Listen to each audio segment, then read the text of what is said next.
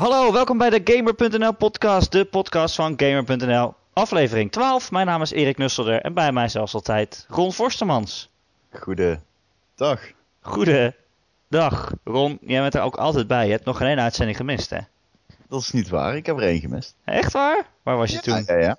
Ik was niet op eh, de Dutch Comic Con. Oh, dat is waar. Ja, nou, die telde ik dan weer niet mee. Dat is waar. Maar ik wilde het eigenlijk zeggen, eh, inleiden om te vertellen dat Joe er weer niet is. Ja, klopt. Hij is nou ja, op het is, vakantie. ik, eh, ik mis Joe een beetje. Ik mis Joe ook een beetje, ja. Ik weet wat ik heb? Ik wil gewoon iemand die opeens eh, niet schreeuwt GTA 5 online. Ik wil gewoon iemand met wie ik het intens oneens ben. Nou, ik ben het wel vaak eens met jou. Nou, niet vaak. Nou, laten we, la- laten we het erop Wat vind jij van Mario Kart? eh, Nee, precies. Ik, ben geen... eh, bij eh, Joe en ik verschillen veel in genres, maar... Joe heeft wel verstand van videospelletjes. Zeker, Daarom tuurlijk. zit hij natuurlijk in de podcast. Ja, maar dan kan je het nog wel oneens zijn. Dat, eh, dat klopt. Maar dat is alleen maar goed voor het format natuurlijk. Hè? Dat is waar. Over ons format gesproken. Hoe is het met eh, je Opel Astra? Zo, hé, gast, ik vind hem chill. Gaat hij hard? Echt... Nou, ik zou je vertellen, mijn vorige Opel Astra, dat was een beetje een Is in de prak gereden? Ja, dat ook. Heb je het om, een- om een lantaarnpaal heen gevouwen? Ja, maar ja, wat deed die domme lantaarnpaal dan nou? ja, maar goed, als je een Opel Astra aan ziet komen, dan weet je dat je gewoon uit de weg moet. nou, wel als hij hier uit de richting van Brabant kwam. Ja, het zal er weer zo'n gekke Brabant erin zitten die er sport van maakt om dingen te raken. Maar ehm, het, eh, het, de nieuwe Opel Astra is geweldig, Erik. Ik heb cruise control, climate control, ik heb alles. Ik hoef bijna zelf niks meer te doen, joh. Dat is een Nou, dat is- verademing. Is Ja, maar het is ook, verademing. eh, als je denkt dat je niks meer hoeft te doen, dan eh, binnen de kortste keren, dan zit je weer tegen een nieuwe eh, lantaarnpaal. hè? Ah joh, ik ben een paar keer in slaap gevallen op de snelweg, maar verder is er eigenlijk niks aan. Natuurlijk ook altijd zo saai. Vooral als je door Brabant rijdt, jezus.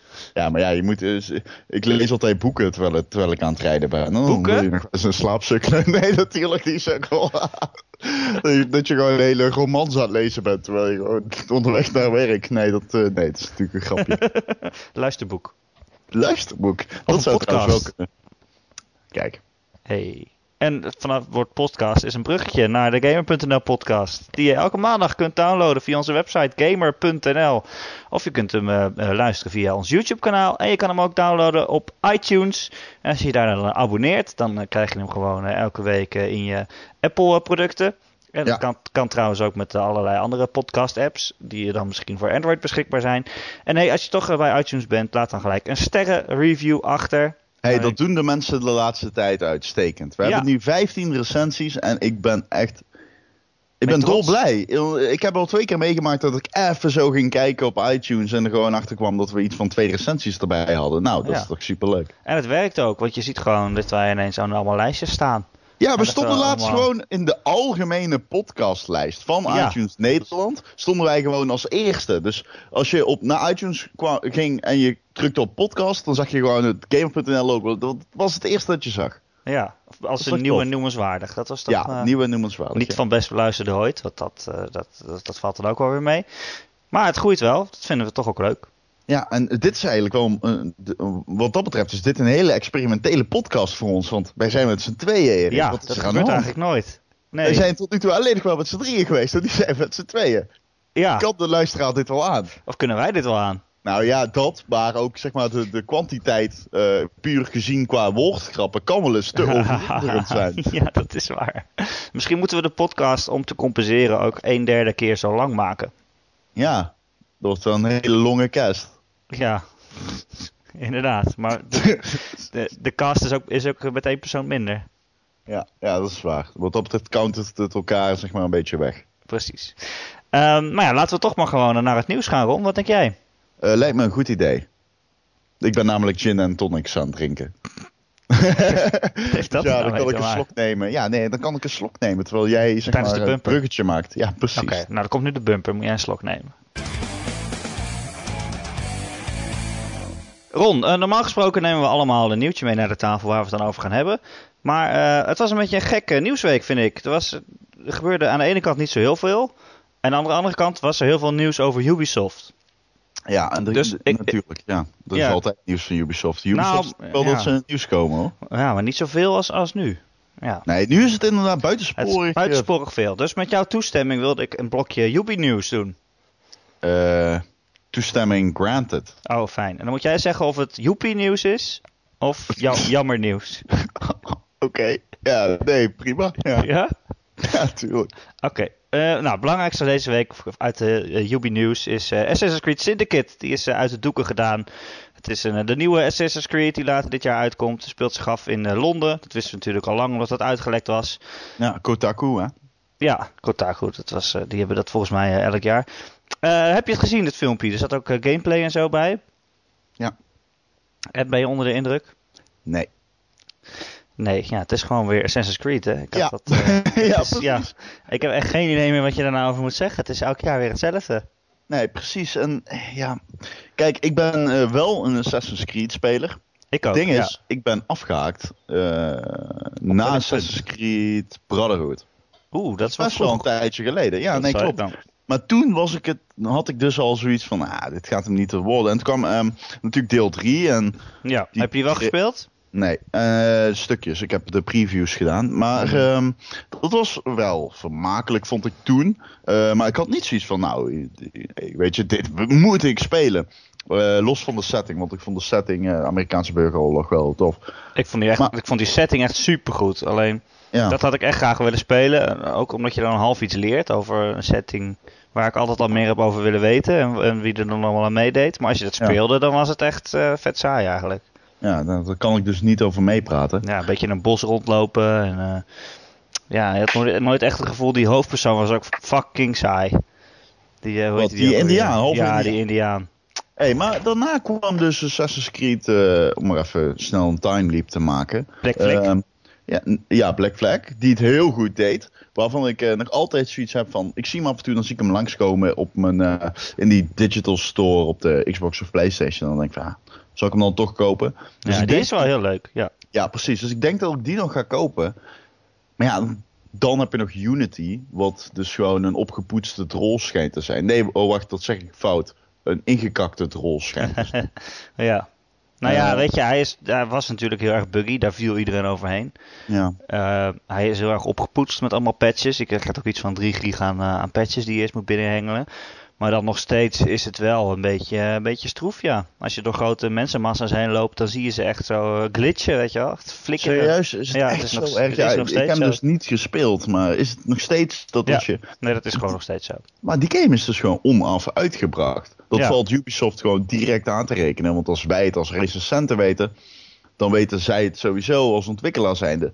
Maar ik denk dat je daarin dus iets kan signaleren van de wrijving tussen een ontwikkelaar en een uitgever. Nou is Ubisoft eh, Montreal natuurlijk zowel eh, eh, ja, uiteindelijk een ontwikkelaar, maar hè, dat, zo, dat valt onder één paraplu. Ubisoft. Ehm, maar ik Ja. denk dat je daarin dus. Kijk, je gaat mij niet vertellen dat zo'n ontwikkelaar niet liever meer tijd had gehad om Tuurlijk. dat product rond te krijgen. En ja, waarschijnlijk heeft Ubisoft gezegd, nou, hè, ten eh, goede van de kwartaalcijfers, de aandeelhouders, eh, maar ook het totaalplaatje, want je wilt gewoon met iets op de proppen komen in dat, eh, in dat gedeelte van het jaar. hebben ze gewoon gezegd, nou, we brengen het toch. Maar dat moet hels zijn geweest. Ja, maar ik denk ook dat Assassin's Creed er gewoon een soort van te groot en te log monster is geworden. Want het zijn iets van tien studio's die daar allemaal tegelijkertijd aan werken. Die allemaal kleine stukjes maken. En om daar een soort van de leiding over te geven. En te zorgen dat het allemaal als puzzelstukjes in elkaar valt. Dat lijkt me ook afgrijzelijk moeilijk. Ja, misschien dat de focus echt gelegd moet worden op het. eh, misschien moeten ze het gewoon iets meer concretiseren. Eh, Assassin's Creed 1 was echt absoluut niet mijn favoriete Assassin's Creed deel. Eh, ik vond hem relatief saai af en toe, omdat je natuurlijk heel veel van dezelfde dingen deed. Ja, Maar het principe was heel tof. Ik heb altijd het gevoel gehad, dat zei, ik ook, zei ik ook al een beetje in de vorige podcast, dat Assassin's Creed misschien niet zozeer... Kijk, het free is tof, begrijp me niet verkeerd, maar doordat je die free roaming hebt, eh, is het heel moeilijk om je als ontwikkelaar toe te leggen op bepaalde kwaliteiten van je spel. En ik denk dat Assassin's Creed juist een titel is die wat meer zou kunnen baten bij, eh, ja, wat ik al zeg, concretiseren. En door gewoon bepaalde spelsegmenten eh, boven andere te stellen. Nou heb Ja. ik trouwens wel het gevoel dat ze dat met Syndicate doen, omdat ze de multiplayer modus gewoon compleet Ja. geschrapt hebben. Hè? klopt. Het is alleen eh single player. Ja, Ja. ja. Nee, ik weet niet. Ik vond die multiplayer altijd nog best wel grappig om even erbij te doen. Het was Ja, iets heel anders dan het volledige spel. Maar het was wel heel goed uitgedacht. Hoe zou Nou, dit het was- sluipspel een multiplayer spel kunnen worden? Ja, En je moest, je moest echt gewoon in een wereld. Je zag er dan precies hetzelfde uit als NPC's, die gewoon in die wereld rondliepen. En, en de andere eh, spelers zagen er ook precies zo uit. Dus iedereen was vermomd. En dan moest je eigenlijk op zoek gaan naar wie dan de speler was die je moest vermoorden. Dus was het een soort van kunst om je te gedragen als zoals een computer rond zou lopen. Ja. klopt. Nou, het was wat als je gaat rennen, dan ziet iedereen van, oh, dat is geen echte NPC. Nee, precies. Nee, absoluut. Nee, ik onderbrak je net al twee keer. Maar ik wilde zeggen van... Het is ook gewoon hartstikke leuk om in een struik verschuild te zitten. En te wachten totdat die guy langs komt lopen en hem in zijn nek te steken natuurlijk. Ja, precies. Dat, dat was echt wel grappig. Ja, maar het is ook weer geen groot gemis dat dat er niet meer in zit, denk ik. Nee, nee, klopt. Ik denk meer dat, het- dat mensen meer die co-op dingen gaan missen die in eh, Unity zaten. Dat was nog wel Ja. grappig als het werkte. Ja, dat, dat had zijn charme. Klopt. Ja. Maar Assassin's Creed Syndicate, is het, is het joepie nieuws of jammer nieuws? Ehm, het is... ehm, Oké, laat... Wacht. Voordat ik, dat ga, voordat ik dat ga zeggen. Wat vind jij van de setting? Want het Ik- nieuwe Assassin's Creed gaat zich dus focussen op het Victoriaanse Londen. Ik vind dat extreem vet. Oké. Als het goed zou zijn gedaan, dan is dat wel een van de werelden die, die ik van tevoren graag zou willen zien. Ik heb zoiets na de order, mosterd na de maaltijd. Ja, denk je? Ik vond de setting van de orde juist, eh, juist heel erg vet. Het was dat het spel niet zo leuk was, maar... Nee, dat vond... Nou, daar is Joe het niet mee eens. Nee, dat, dat, dat klopt. Maar... ehm, Ga jij heb- nou Joe's eh, meningen invullen als hij er niet is? Je nee. kan ook gewoon stiltes laten vallen en dan zijn meningen er even tussen monteren. Wat vind jij, Joe? Ja, oh, dankjewel. precies. Precies. Ja, ja, nee, absoluut. Nee, maar wat ik, wat ik wel een beetje vind. ehm, kijk, wat ik zeg, mosterd na de maaltijd. Ik vond het tof in die order. Maar ik weet niet of ik het weer tof ga vinden in Assassin's Creed Syndicate. Ja, wel. Nou, maar weet je wat het is? Ik hoop bovenal dat het een vette game wordt. Joepie Ja. nieuws. Het is joepie nieuws. Ik zou gewoon graag willen dat Assassin's Creed even twee jaar op vakantie gaat. Nou, dat sowieso. Maar dat wens ik iedere jaarlijkse serie op dit moment toe. Ook Call of Duty. Ik bedoel, alsjeblieft, ga er even een jaartje tussenuit om jezelf te bezinnen. Ja. Maar ja, dat, eh, dat zal wel niet gebeuren. Zolang wij hem allemaal blijven kopen, dan uh, schiet het natuurlijk niet op. Nee, nee, nee. Eh, nog meer Ubi nieuws, Ron. Ik denk dat ik al weet wat je erover gaat zeggen. Rainbow Six Siege heeft een release datum. En het is nog niet eens zo heel ver weg. 13 oktober. Ja, ja, weergeloos. Toen het werd aangekondigd gingen alle klokken in mijn stad tegelijkertijd luiden. Ik weet niet waarom. Maar ehm het is, een hele... Brabanten. ja, nee, maar... Als ze daar een nieuw e-mailtje hebben, dan denken ze, wauw, luid de ja, klokken. nee. Nou, dit, is wel, dit gaat een beetje ver, omdat je er nu vanuit gaat dat wij hier internet hebben. Maar, Oh ja, dat is Toen wij per postduif meekregen dat het hier dus inderdaad... eh, dat het gaat om de release date van, Ubisoft, of van eh, Ubisoft's Rainbow Six Siege. Toen eh, werd het nieuws zeer enthousiast ontvangen. Ehm, nee, is natuurlijk een, een, logische datum, denk ik. Ja, je, vat, je kunt natuurlijk op... Ik vind release data sowieso niet heel erg interessant. Nee, bedoel, dus je kan er ook niet ver, je kan er geen, niet zo echt zo'n mening over hebben. Hè? 13 Ja. oktober, nou. Als het Nou. nog geen vrijdag is. Ik heb echt een hekel aan door 13 oktober. Dat Ja. was de dag dat mijn kat storf. Stierf, bedoel ik Storf. natuurlijk. Storf is een heel lelijk hoor. Mijn kat Storf. nee, mijn kat heette Storf. De Day the Music Storf. Ja, precies. Nee, maar ja. Maar het is best wel, best, best wel snel. Ik heb toch altijd een beetje het gevoel gehad dat het was volgend jaar zou worden of zo. Rainbow Six. Weet je nog dat ik zei dat ik dacht dat die eh, nogmaals uitgesteld ging worden? Ja, maar het kan nog altijd, maar goed. Nou ja. Nee, nee. Nee, dat gaat nu niet meer gebeuren, kan ik je vertellen. Nee, nee, nee. Nee, hij komt op eh, 13 eh, oktober. Maar ik maak me... Oké, ik ga nu iets zeggen. Ik maak me stiekem een beetje zorgen om die game. Oh nee, hoezo? nee, ik zal vertellen waarom. Ik denk dat die fout begrepen gaat worden. Oh. En dat komt omdat ik het gevoel heb dat Ubisoft zelf nog heel erg op twee gedachten hangt. Na het aankondigen van Patriots, wat natuurlijk meer leunde op de singleplayer qua marketing. Zo is hij ook gewoon compleet uit de doeken gedaan als een singleplayer avontuur. Ehm, denk ik dat eh, ze op een gegeven moment door hadden dat eh, Patriots ten eerste geen goed format was. De Patriots richtten zich op zeg maar, een soort van eh, ja, nationale terreur. Heel erg. Dus ehm, Ja, dat was heel gruwelijk, hè? Ze vertelde je een vorige keer. ja, het ging over bankers en het, eh, ja, zeg maar de 1% en de, de, de natie die daartegen in, op, in opstand kwam. Dus de Ja, mensen die... Nazi eh, met TIE. ja, precies. Eh, het eigen volk dat het, zeg maar, een eigen, het hand in eigen heft neemt. Heft in, oh, fuck, gast. Niet scherp vandaag. Heft in eigen handen neemt. Ja, anders storven ze allemaal. Dat is ook zonde. Ja, ze moeten niet stoffen. Dat is niet de bedoeling natuurlijk. Eh, maar dat lag zo gevoelig en dat weet ik intern. Dat is gewoon, eh, dat is nooit gecommuniceerd door Ubisoft. Maar die game is heel vaak opnieuw gemaakt. Ehm, en uiteindelijk hebben ze dus daarom onder meer besloten om eh, Siege te maken. Omdat je bij Siege leunt op de multiplayer. Maar het ding wil dat Ubisoft nog steeds zegt dat er een singleplayer in zit. Oh, En dat vind ik markant. Ja, Ja. dat vind ik markant. Ik vind dat moet je gewoon niet willen. Je moet gewoon heel duidelijk zijn. ze- zeggen dat eh, die game eh, een pure multiplayer game is.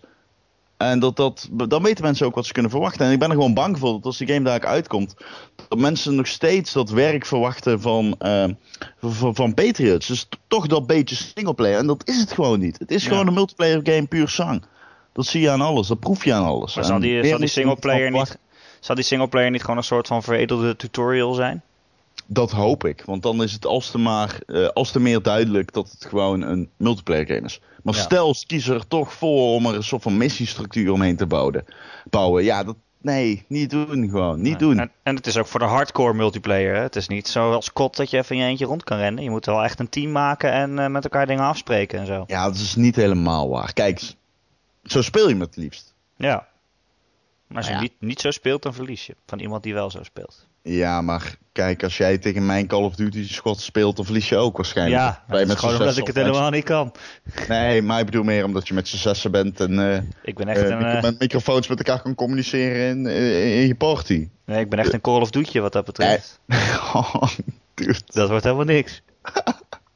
Nee, maar ik, maar ik denk serieus dat je per Six wel gewoon als loner kan spelen. Daar is niks mis mee hoor, dat denk ik niet. Hm. Maar dan haal je er wel iets anders uit dan ik eruit haal als ik Ja. speel met een clan. Maar het is niet waar het voor gemaakt is.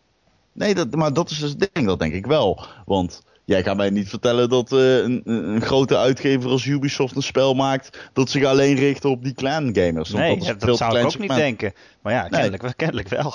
Nee, nee, niet. Nee, absoluut niet. Want dat zou natuurlijk een veel te klein segment zijn. Ja. Het charme ligt hem eerder bij het feit dat je maar één leven hebt. En daardoor iedere keer eh, heel bewust moet zijn van hoe je gaat handelen. Je moet een tactiek kiezen. En dat kun je ook doen als je in je eentje bent. Maar eh, Rainbow Six laat zich ook wel spelen als een, als een, ja, een triviale shooter soms. Kijk, het is geen Call of Duty in de zin dat het heel erg traag is. Maar dat betekent niet dat je het per se met een clan of met een vaste groep spelers moet spelen. Zo speel ik hem het liefst. Maar Ja. zo speel ik Call of Duty ook het liefst. En die kun je ook gewoon normaal spelen.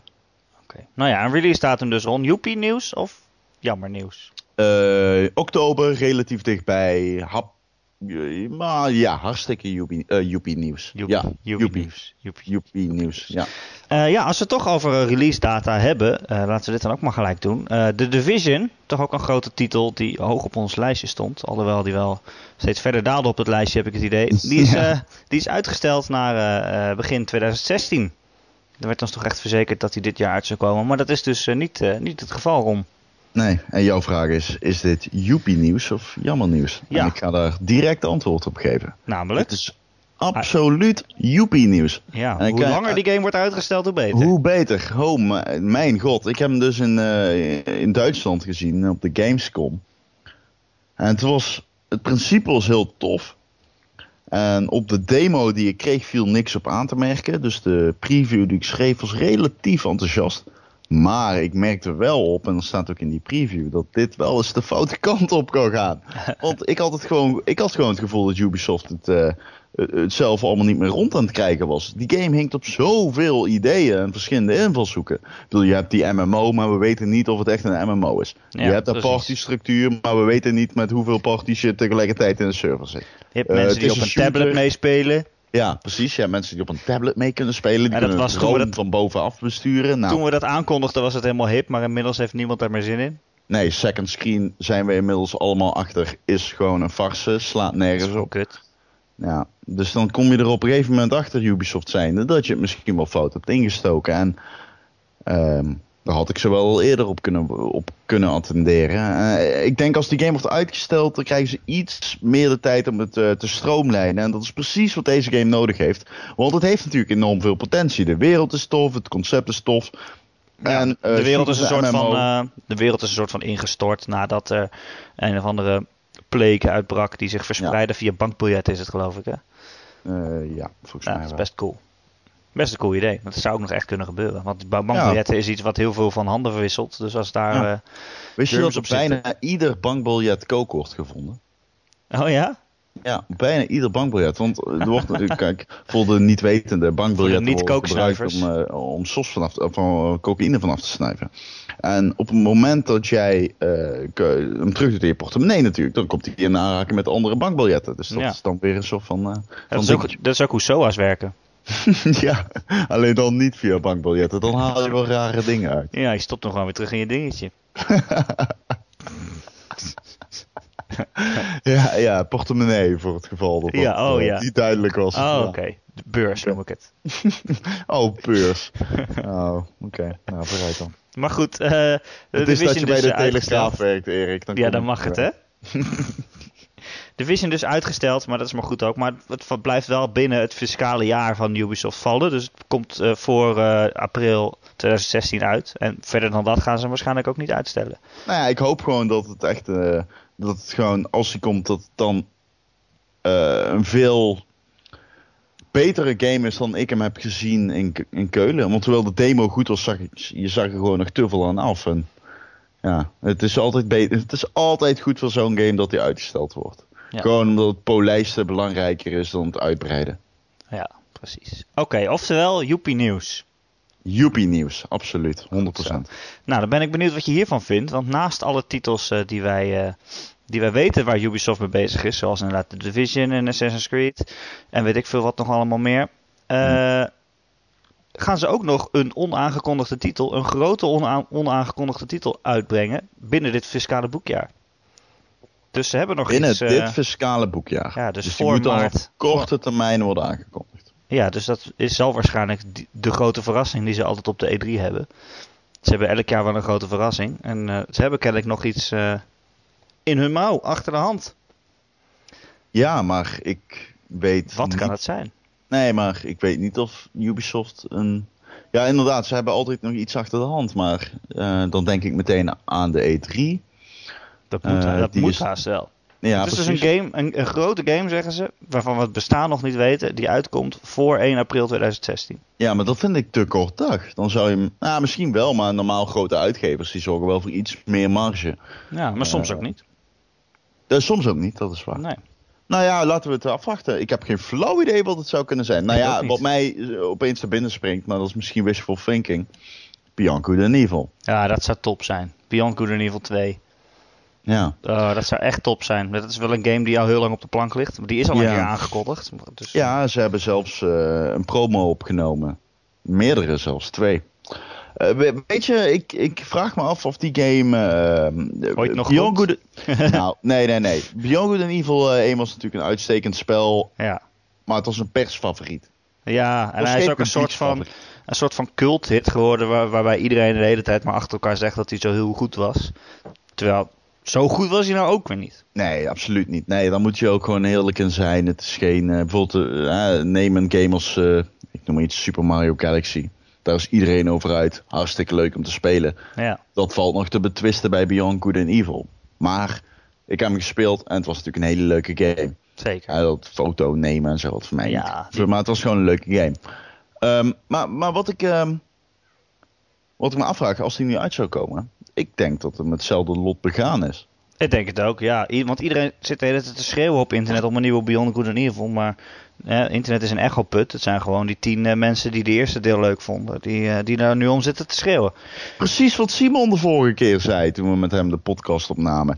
Eh Jan en Alleman schreeuwt om een nieuwe Kid Icarus. De helft van die Ja. mensen heeft die game nooit gespeeld. Nee, nooit van gehoord. Nooit van gehoord. En die zeggen gewoon van ja, hij moet komen. Hey, wij willen een nieuwe Kid Icarus. Dan kondigt Nintendo een nieuwe Kid Icarus aan. En dan Geen hond die hem koopt. Nee. Geen hond. Die game heeft het zo slecht gedaan. En dan vind ik ja, dan moet je hem ook kopen als je erom loopt te schreeuwen. Ja. Eh, dat kan Vind nog tegenvallen, maar eh, jij wilde een Icarus game. Koop hem dan maar. oh ja, nou dat zou dus met Beyond Good and Evil ook goed kunnen gebeuren. Wat Al, ja, jij ja, dat het meer kan worden? ja, weet ik niet. Wat, Nou, een nieuwe IP is het sowieso niet. Want dat is te weinig tijd om hem op te bouwen. Een uitgever zou er nooit voor kiezen om een nieuwe IP op de E3 te lanceren. nee, en dat denk ik binnen zes maanden uit te brengen. Dat dus dan moeten ze met iets eh, komen dat eh, wij kennen. Ja. Misschien Ghost Recon? Ja, kijk, Maar dat we gaan niet Ghost Recon en, en Rainbow Six in één jaar uitbrengen, denk ik. Nee, dat, Dat zijn nou, toch ook games die elkaar een heel- beetje bijten. Al is het natuurlijk wel zes maanden later. Maar het fiscale jaar, ja, dat is waar. hey, maar denk je niet dat Ubisoft eh, lichtelijk overdrijven kan? Misschien is het wel gewoon, weet ik veel. Rabbids eh, TV Party 15. God weet. En ja, het is, voor Ubisoft is het natuurlijk alleen maar gunstig om te zeggen dat het een gigantische, eh, een gigantische titel is. Zij Ja. weten ook dat de pers meeluistert. Ja, ja, ja, ja, ja. Nou ja, misschien is het dan wel Beyond Good and Evil. Dat zou wel top zijn. Ik had daar nog niet over nagedacht. Ja, maar ja. Zijn, er nog, zijn er nog oude, oude IP's waarvan jij zou willen dat ze hem uit de, uit de kast halen? Poeh, van Ubisoft? Brothers in Arms was toch ook van hen? Ja, ja. Oh, fuck!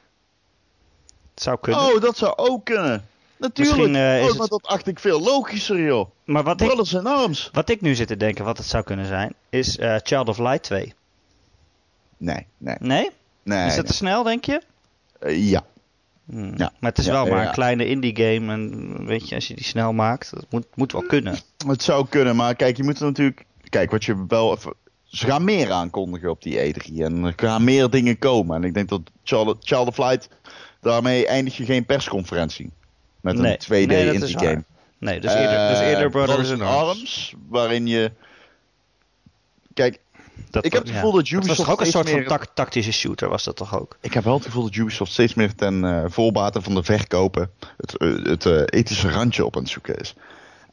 Wat ik bedoel. Zeg maar, Assassin's Creed eh, was in het begin heel voorzichtig met kwesties als geloof en dergelijke. Dat was al best wel Ja. dicht getimmerd. En aan het begin van de game zag je ook een disclaimer om niemand te kwetsen.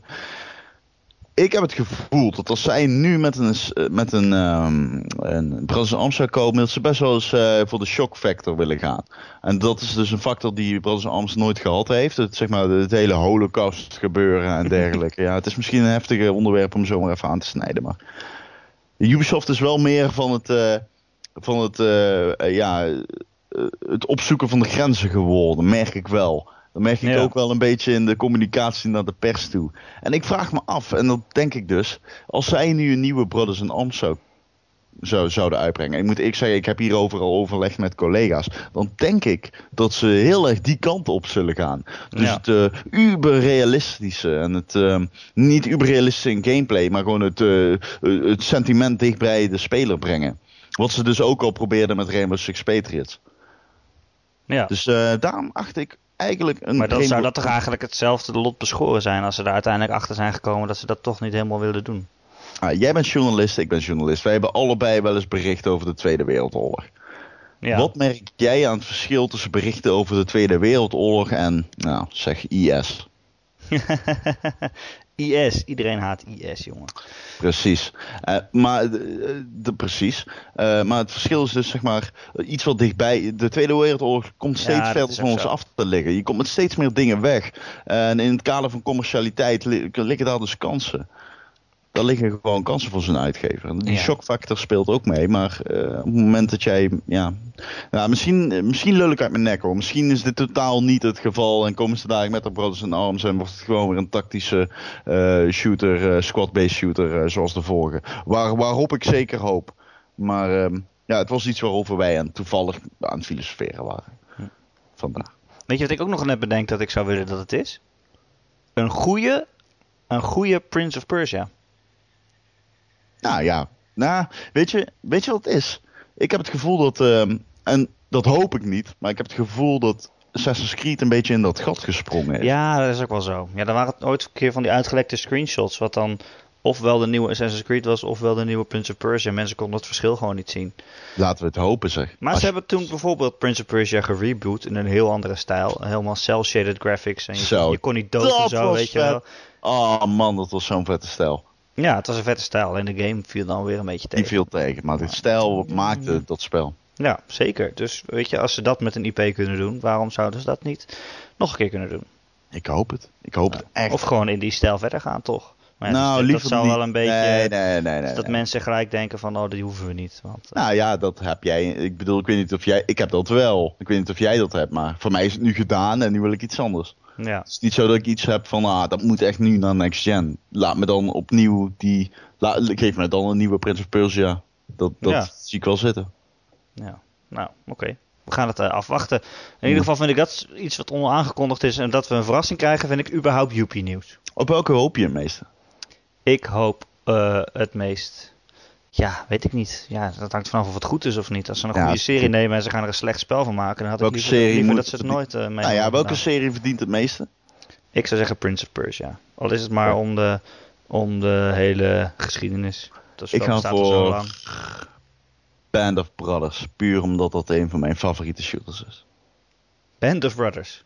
Oh, pardon. Ah, man.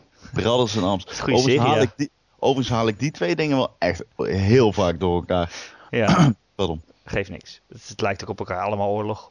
Ja, maar het is ook daadwerkelijk zo dat de locaties die in Band of Brothers de revue passeren, zoals Zon en Eindhoven, die komen echt, Eindhoven. de Philips publiek, eh, fabriek gewoon in uh, was een Arms hè, op een gegeven moment. Oh ja, is dat zo? Ja, dat is echt dat zo. Nee, dat is best wel tof ik weet nog wel al die berichten die ze, nog die ze toen hadden daarvan dat hun researchers helemaal in Nederland overal foto's van maakten en zo. En, Dat Ja. ze het helemaal eh, eh, echt hebben nagemaakt. Dus, eh, maar dat kan soms tot, ze- zeker in Brothers en of ja, in in Bia, Brothers Arms. Bia. Ehm, zeker daarin leidt dat echt tot een verbluffend resultaat. Want Ja. die start in Eindhoven, dat je, dat je met die tanken door Eindhoven rijdt. En daarna in de fabriek van Philips de, de, tegen de Duitsers vecht.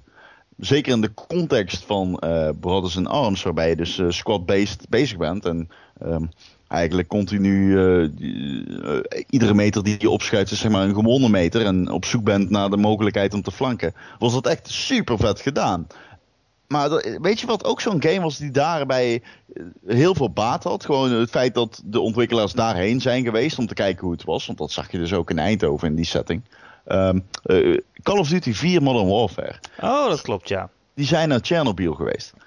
En ik kan mij zo snel even geen setting heugen die beter nagemaakt is dan dat Chernobyl. Nee, nou, was Stalker echt, eh, deed het ook heel tof. Maar ehm, met Dat was geen Call of Duty 4. Nee, nee, ja, in ieder geval als je kijkt puur naar de beleving van die setting.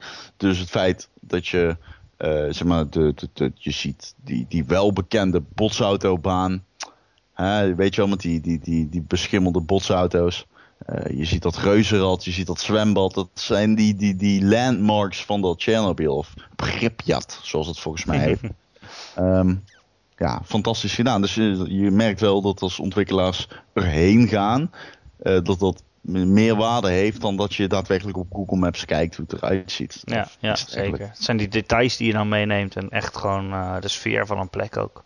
Vooral dat laatste, hè, welke Ja. sfeer wil ik overbrengen. Ja. Ja. Oké, eh Joepie nieuws dus. Eh, nog meer Ubisoft. Ze gaan stoppen met games voor de Xbox 360 en de PS3. Nou, Behalve Just Dance natuurlijk. Die komt Ja. altijd overal op uit. is dat echt zo? Ja, volgens mij Dus wel. ze gaan stoppen met alle games Ze ma- gaan eh, geen games meer maken voor Xbox 360 en eh, PS3. behalve Just Dance. Ja, ja. Ja, want die, die, En- wie dan? die dat, dat deel van de markt dat zal nog wel nog niet geupgrade zijn. Die casual gamers. En wie? Wie? Ja, wie? Wie? De- oh, gewoon de Nintendo Wii bedoel je? Ja, ja, ja. En ja, ik neem aan, dat, dat doen ze toch al heel lang niet meer. Ze doen Nintendo toch niet meer. Ze hebben toch expres, ze hebben zelfs games die af zijn voor de Wii U die ze niet uitbrengen omdat er niet genoeg verkocht zijn. Huh? Is dat zo? Ja, ze hebben een game ontwikkeld voor de Wii U. Ze hebben natuurlijk Zombie U uitgebracht toen, eh, toen, eh, toen de Wii U lanceerde. En die heeft het zo slecht gedaan. Toen zeiden ze nou onze volgende speler die bewaren we totdat Nintendo genoeg consoles heeft verkocht. En dat is nog steeds niet zo. Nou, iets soortgelijks staat me bij van EA, maar eh, eh, ik wist niet dat dat bij Ubisoft ook het geval was. Ja, zeker, zeker, zeker. Nee, die zitten niet meer echt, dat zijn niet echt vriendjes meer met Nintendo. Dan heb ik het idee. Hm. Maar goed, ze laten dus eh, de last gen voor wat het is. En ze gaan vol op de nieuwe gen. Dat lijkt mij een goed, goede ontwikkeling. Zeker. Nou ja, dit nieuws gaat binnenkort Nou ja, waarschijnlijk krijg je er niks meer van mee. Maar geloof mij maar dat andere uitgevers precies hetzelfde aan doen zijn. Ja, maar het is gewoon echt een teken dat, het, dat we nu echt in de nieuwe generatie zeg maar, zitten. Zeg Ja, maar. En plus dat het de- oude gewoon is afgelopen. Ja, maar de afzet van nieuwe consoles is nog nooit zo goed gegaan als nu bij de Xbox One en de PlayStation 4. Dus het is ook vol- volstrekt logisch dat die knoop nu wordt doorgehakt. Ja, je zag ook dat uitgevers heel voorzichtig waren. Hè? Want iedereen die voorspelde het eind van de consoles en deze nieuwe, die gaan nooit zo goed verkopen als de vorige. Want mensen willen niet meer zo'n kastje onder hun ding. Dus iedereen die zat de hele tijd op twee gedachten te hinken van... Oké, dit spel maken we wel voor de PS4 en de Xbox One, maar Ja. eigenlijk moet het ook gewoon draaien op die oude. En dat hebben ze best wel lang volgehouden. Totdat nu blijkt dat die dingen gewoon, nog gewoon, gewoon hartstikke goed verkopen. En dat iedereen nog wil console gamen. Ja. Ja. duurt, dan duurt het natuurlijk een jaar of twee voordat eh, hun production cycles daar weer op afgestemd zijn. Maar nu eh, lijkt het toch echt zover te zijn dat, we, dat ze echt eh, voor de nieuwe generatie gaan. En dat is top, want dan kunnen ze ook het beste eruit halen. Ja, ja. ik Ja. denk dat het een goede keuze is. Ja, er valt heel weinig tegen in te brengen natuurlijk. Maar dat- wij hebben makkelijk praten. Ja, maar als je wij ziet hoe, next-gen consoles hebben. Ja, maar als je ziet hoe, wat voor grote afzetmarkt dat is, die Xbox 360 en PS3. Ja. Dat zijn er zoveel verkocht. Nog steeds natuurlijk veel en veel meer dan die nieuwe consoles. Ja, zeker. Dus ja. aan de ene kant kan je ook wel zeggen, er zou ook wel wat voor te zeggen zijn om games nog voor die oude uit te brengen. Ja, maar er is natuurlijk ook een soort van cannibalisme gaande. In die zin dat de mensen die toen een Xbox 360 hebben gekocht, nu bijvoorbeeld een Xbox One hebben. Of een Ja. PlayStation 4. Ja, ja, natuurlijk. Ja. Je kan het bijna Dus- zo goed als van elkaar aftrekken, denk ik. Ja. Ja, dat denk ik ook. Ja. Dus Joepie nieuws. Joepie nieuws, dat denk ik ook. Nou ja, ik bedoel, ik kan me heel goed voorstellen als jij nu luistert. En je hebt een Xbox 360 of een PlayStation 3, dat je Ja, dan denkt, ah, kut. Maar aan de andere kant, als jij nu luistert en je hebt een Xbox... Ik denk niet dat er iemand nu luistert die een PlayStation 3 heeft bijvoorbeeld, Nou. en geen 4. Ja, vergis je niet. Ja, ja, je moet je ook denken hoe het was toen jij misschien een stuk jonger was en je geen geld had- ervoor had. Dat je het zo lang mogelijk uitstelde om een nieuwe console te kopen. Gewoon Ja, omdat het ik- best wel duur is. 400 euro is best wel duur. Daarom ben ik van origine eh, nog altijd een PC-gamer, om die reden. Wat, dat het goedkoper is? Eh, ja, Gaat weg. nee, meen ik. Nou, ik heb vandaag een beetje zitten, zitten onderzoeken. Want ik wil best wel weer een game PC kopen. Ik was Mhm. vroeger PC-gamer en nu niet meer. Al best wel lang. En de PC die ik heb, nou, die valt echt uit elkaar van de ellende. Het is, eh, Ja, ik kan nog net eh, indie games erop reviewen en verder niks eigenlijk. ja. Maar zelfs, eh, zelfs bij Hotline Miami 2 moet ik er aan het trekken, zeg maar. Wauw, oké. ja, nee. ja, zo oud Maar is hij. Hotline Miami speel ik gewoon met een muis op mijn MacBook. Ik heb een MacBook van eh 2600 euro. Die draait alles. Alles Ja, het draait op... eh, 2600 euro, hallo. Ja, maar ik al- zat dus te kijken... ja. wat- weet wat- ik, natuurlijk. Al, als het maar draait op macOS natuurlijk. Dat is wel belangrijk. Ja, ja, ja. Maar ik zat dus te kijken wat het dan zou moeten kosten om een eh, game PC te kopen. Maar dat is, Ja. als je het een beetje goed wil, is het dus 800 euro of zo. Nee, dat, nou, je zit zelfs nog hoger dan dat. Maar wat ik bedoel met goedkoper is... Je speelt alles de komende drie jaar op... Zeg maar, de meest cutting edge shit. Nou, misschien niet drie jaar, maar zeker twee jaar. Dit is toch helemaal jij- niet lang? Ja, Een nee, console gaat er veel mee. Nee, klopt, maar je leeft ook in. Ik, als ik nu op. Ik, ik heb laatst. ehm, wat zat ik nou te spelen? Kut. Ja, kut, ik ben even de naam. Maar in ieder geval, ik was een game aan het spelen. Far Cry. Far Cry 4 was ik volgens mij aan het spelen, als ik me niet vergis. En ik heb die shit ook op PC gespeeld. Ja. Super indrukwekkend. Echt heel mooi. Echt, echt gelikt.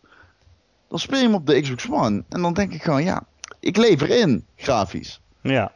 Maar het is wel een stuk gemakkelijker ook. Ja, toch? Nee, klopt. Maar je zit lekker je onderuit, weer op de bank, nu voor de al voor een inferieur platform. En dat is wel hatelijk. Ik vind dat kut. Ik wil eigenlijk gewoon... Kijk, ik verwacht als ik nu een Xbox One koop of een PlayStation 4... dan koop ik top-notch notch, notch shit. Ik Ja. wil gewoon het tofste van het tofste. Ja. En ik heb het gevoel dat als je een PC koopt... dan zit je toch meer... Je zit natuurlijk in het high-end spectrum dan... en je betaalt daar inderdaad voor. ja, ja, echt, goed. ja, echt best wel veel geld. Ja, nou ja... Ja, ik vind dat toch wel veel geld om zin dat, dat zo je in één voor keer de in te steken. ervaring betaalt. Ja. Ja. Kijk, absoluut niet. Maar ik ben Nee, ook weer niet- gelijk. ja. Absoluut niet. Maar Ik ben ook weer niet zo'n graphics hoer die, die, die, die de kleinste anti-aliasing gelijk het verschil ziet, weet je wel. ik ben wel die anti-aliasing hoor. Ik heb een Ja? hekel aan stroomkabels die kartelig zijn. Dat, zeg maar in een game. Maar ja, als ik er helemaal in zit, dan zie, ik, dan zie ik dat niet zo direct.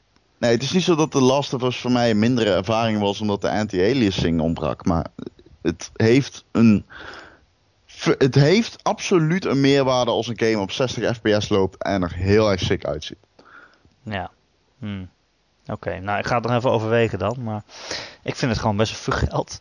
Ja. Ja, is ook, pardon. Ja. Is ook zo, Erik. Dan denk ik, voor dat geld kan ik ook naast mijn PS4 kan ik er nog een Xbox One en een Wii U bij kopen. Met, met een spel.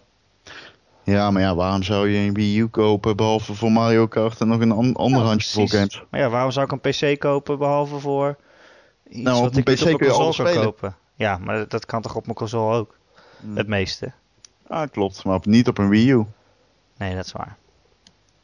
Nou ja, ik vind het heel veel geld. Als om, Nee, om een. PC-gamer te zijn. Je hebt ook, En dan moet je over Gelijk, twee jaar waarschijnlijk weer een nieuwe videokaart kopen. ja, maar dat is dus wel het ding met PC code. Ja. Ja. En, plus, eh, als je driver corrupt is of wat dan ook, dan ben je fucked. Ja, en je blijft, je blijft bezig. En ik heb er geen verstand Ja. van. Nee, ja, nee, Dus dat is een helemaal een probleem. Wordt dat niet, eh, is dat nooit aan de orde. Kijk, ik, eh, PC-game is natuurlijk, eh, ik neem terug wat ik zei in die zin over dat het goedkoop was. Het is natuurlijk niet goedkoop, maar je betaalt gewoon voor wat je krijgt. En als je altijd eh, het Je beste... prijs-kwaliteit verhouding bedoel jij? Nou, in principe wel, maar ik durf wel te zeggen dat ook als je kijkt naar prijs-kwaliteit verhouding. Ja, je betaalt in principe, je, je behoort tot een niche. Want je behoort tot degene die alles op de hoogste settings willen spelen. En dat is absoluut niet iedereen. En daarom zijn consoles uiteindelijk ook populairder geworden dan Ja. de PC. En omdat het Plus lekker makkelijk is. natuurlijk. Ja. Makkelijk en je hoeft er niet bij na te denken. Je hoeft er geen nieuwe stukjes in te stoppen elke keer. Nee. En te betalen voor weer een nieuwe chip en een ding. En een, eh, dus eh, wat dat betreft is het wel heel makkelijk. Maar ja, ik mis toch wel een beetje dat gevoel van PC-gamen, weet je wel. Achter je bureau zitten en bijvoorbeeld een RTS spelen of zo. Dat zal ik nooit op een console doen. Nee, nee, dat snap ik. Ja. En eigenlijk wil ik ook dingen zoals Pillars of Eternity spelen van die RPG's. Zoals Baldur's Gate vroeger was. Dat, Ja, dat, dat gevoel ja, mis ik wel een beetje. Oké, dat, dat, dat echt hardcore gevoel. Ja, ja, ja, ja. ja. Maar Ja, dat snap moet ik dan ook wel weer tijd voor vinden. Dat is dan wel weer jammer. En ja, ik Dus heb, daarom eh, zit ik een beetje af te wegen. Ik heb talloze PC-games hardcore gespeeld. Guild was. Ik, ik speel nu bijvoorbeeld met een vriendengroep heel veel eh, Counter-Strike. Nou, dat vind ik Oh, geweldig. Ja? lekker op. eh, gewoon eh, op Teamspeak. lekker Counter-Strike spelen. Maar dat, is dat nog steeds net zo oud als, als toen het net uitkwam? Of is, heeft het allemaal updates gehad ondertussen? Ah, Global Offensive. Global Offensive. Oké, Dat is de nieuwe. ja. Ehm, en, Ja, CSGO. ah, CSGO. En we spelen gewoon met een vast teampje. Eh, we spelen de, de ranked modus.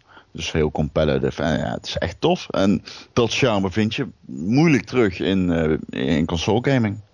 Ja, Dus Nee, eh, ja, je zo. weet waarvoor je betaalt. Dat is Ja, maar ik zal niet zo snel een hardcore shooter worden. Dus Nee, maar ja, goed wat jij zegt, Baldur's Gate. Hè? ja, van vroeger dan. Maar dat Ja, soort spellen inderdaad. Ja. Dat, dat soort spellen. Ja, nou, gaan het overwegen. Ehm, nog één laatste Ubisoft nieuws, Ubi nieuwsje, Ron. Oké. Eh, het bedrijf heeft namelijk aangekondigd dat het aan een aantal VR-spellen werkt. Virtual Reality. Ja. Eh, dat zal dan met hun grote series zijn die ze in een virtual reality jasje gaan gieten. Eh, dus de vraag is natuurlijk, wat, waar zit je op te wachten in virtual reality? Wil je graag een, een assassin zijn met de hele wereld om je, om je heen, zeg maar? Dat je echt rond kan kijken? Nou, ehm, ik weet niet of ik daarop zit te wachten. Dat weet ik niet. Is het misschien raar dat ik niet zo op virtual reality... Zeg maar, ik heb, ik heb het ervaren, de Oculus Rift. Ja, ik ook. En ja, oké, jij eerst. ja, ik vind het heel vet. Ja. Ja, het is gewoon een soort van extra wereld die je hebt. Je kijkt om je heen. Dat vind ik echt bizar dat je je hoofd beweegt en dat de spelwereld meebeweegt, zeg maar. Dat het echt is Mhm. alsof je erin zit. Dat is hoe Ja. ze het vroeger beloofden, wat nooit gelukt is. Omdat het klein aan je ogen deed. Maar ja, als je echt in een wereld zit, weet je. Ik, zo be- probeer ik spellen ook altijd te beleven, vooral verhalende spellen. Da- dan word ik er echt ingezogen. En hoe letterlijker kan dat dan met zo'n ding op je hoofd? Nee, ja. Maar, nee, ik wil net zeggen, want dit is wel gewoon een, dit is daadwerkelijk een andere wereld. Ja. Maar dan zit je er dus middenin. Dus wat, hè, meer jezelf erin verliezen kan niet. Ah, ja. Maar waarom, Ja, waarom zie jij er niks is- in dan? Nou, nee, dat is niet helemaal. Nou, misschien niet helemaal waar. Kijk, ik heb, hem- ik heb, ehm, ik heb hem opgehaald en eh, ik heb een paar tech-demos gespeeld. En ik vond het heel erg vet. Ik vond het echt heel erg vet. Eh, ik had een headset op, Dolby Surround 7.1. Ik hoorde achter me een waterval.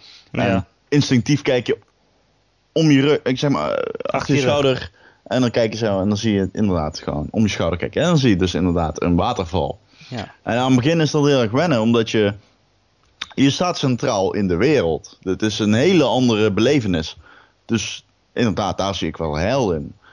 Ik ben alleen bang dat het een gimmick gaat worden. En ik heb het gevoel dat heel veel uitgevers zich niet durven toe te leggen op een format als uh, virtual reality, omdat de, uh, de, de, penetration rate, dus zeg maar de, de, de mensen die zo'n uh, ding aanschaffen, ja. dat dat marktsegment heel erg klein is. En ik ben er gewoon bang voor dat je daarom. Je zult het vooral moeten gaan hebben van de indie games, de kleine uitgevers, de, de, de VR-dedicated ontwikkelaars.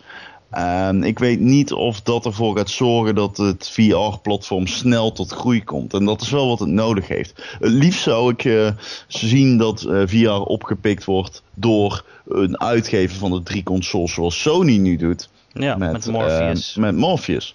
En, en, dan heb ik al zoiets van, ja, oké, dit kan interessant worden, maar het ding, het, ding wil, ik heb de Morpheus nog niet opgehaald, dus ik kan er niet over meepraten. Wat ik lees trouwens, is er geen of weinig uh, verschil met de Oculus Rift. Sommige Mm. mensen zeggen zelfs dat dat ding beter is, dus ja. Ja, hij zit lekkerder volgens mij, is wat ze Ja. zeggen. Ja. Maar ja. maar ja, ik denk ook niet dat het nu ineens alle andere soorten van gaming gaan veranderen. Daarvoor is het veel te, ja, hoe noem je dat? Te afsluitend. Je sluit je echt af van de wereld, dus je kan niet meer lekker samen gamen of zo. Of je kan Nee, niet nee, dat lekker houdt op de op. bank hangen en dat je vriendin staat te koken en af en toe roept wat je op je brood wil. Weet je, Nee, dat houdt echt op. je, je geeft er heel veel voor, voor op. Even in de bus lekker eh, met de Oculus Rift een potje Ja, spelen.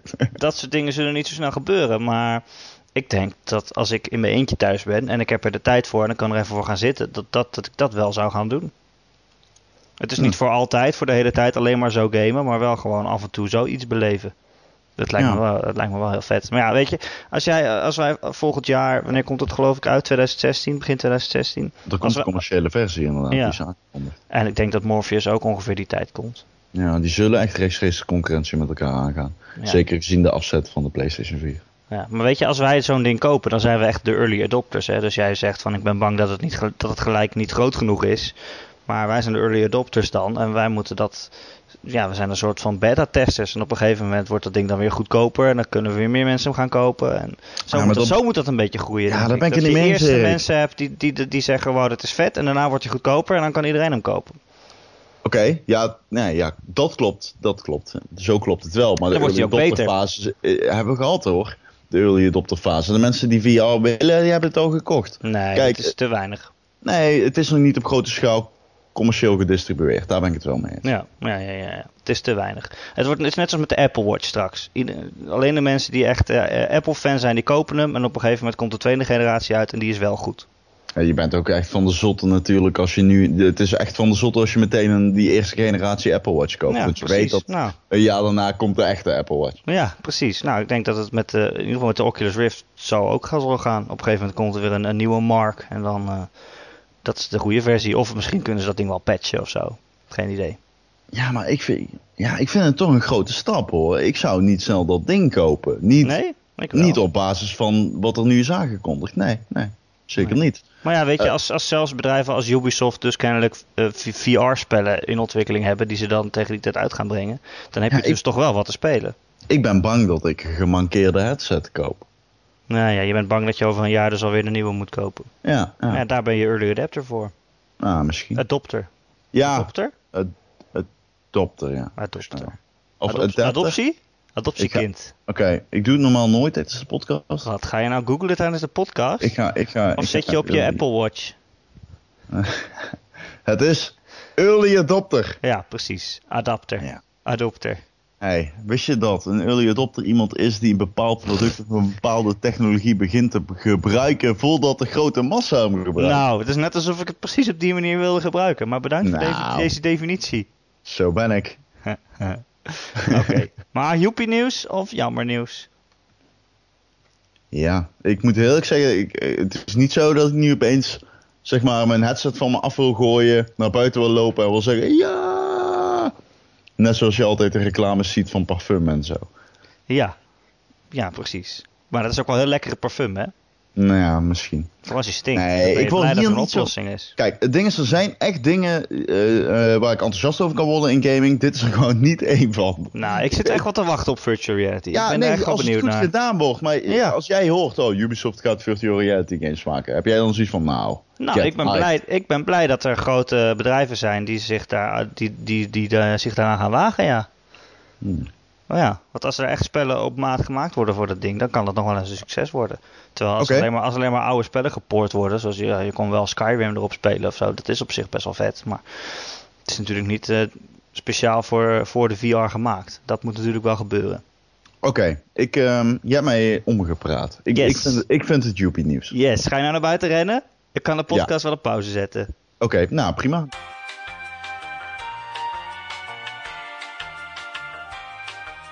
Eh, ander nieuws nog, Ron. Mhm. Nintendo, je kent ze misschien nog wel. Oh, ik ken ze nog. Ze maken de Wii U en Mario spellen. en hardcore Ja. racers zoals Mario Kart. Oh, zo hardcore. Ehm, zij gaan natuurlijk op de E3 weer een E3 video eh, laten zien. Maar als je dacht dat je daarin heel veel nieuwe dingen zou gaan zien. Zoals een nieuwe console die is aangekondigd, de NX. Of eh, mobiele games die ze ook hebben aangekondigd voor smartphones. Dan kom je van een koude kermis thuis. Want dat is dit jaar nog te vroeg. Ja. Ja. Eh, Ik vind het, ehm, weet je, als iemand die van games houdt, vind ik het enorm kut om te horen. Want het is altijd tof als een grote uitgever op de E3 eh, de zaak op scherp zet. Toch? Ja. ja, maar ik snap gewoon niet waarom ze zo vroeg zijn gekomen met zeggen van ja, er komt een nieuwe console. Ja, wat ik toen al zei in de vorige podcast, die hele persconferentie waarin dat zeg maar uit de doeken werd gedaan, was gewoon heel erg gefocust op de Japanse markt.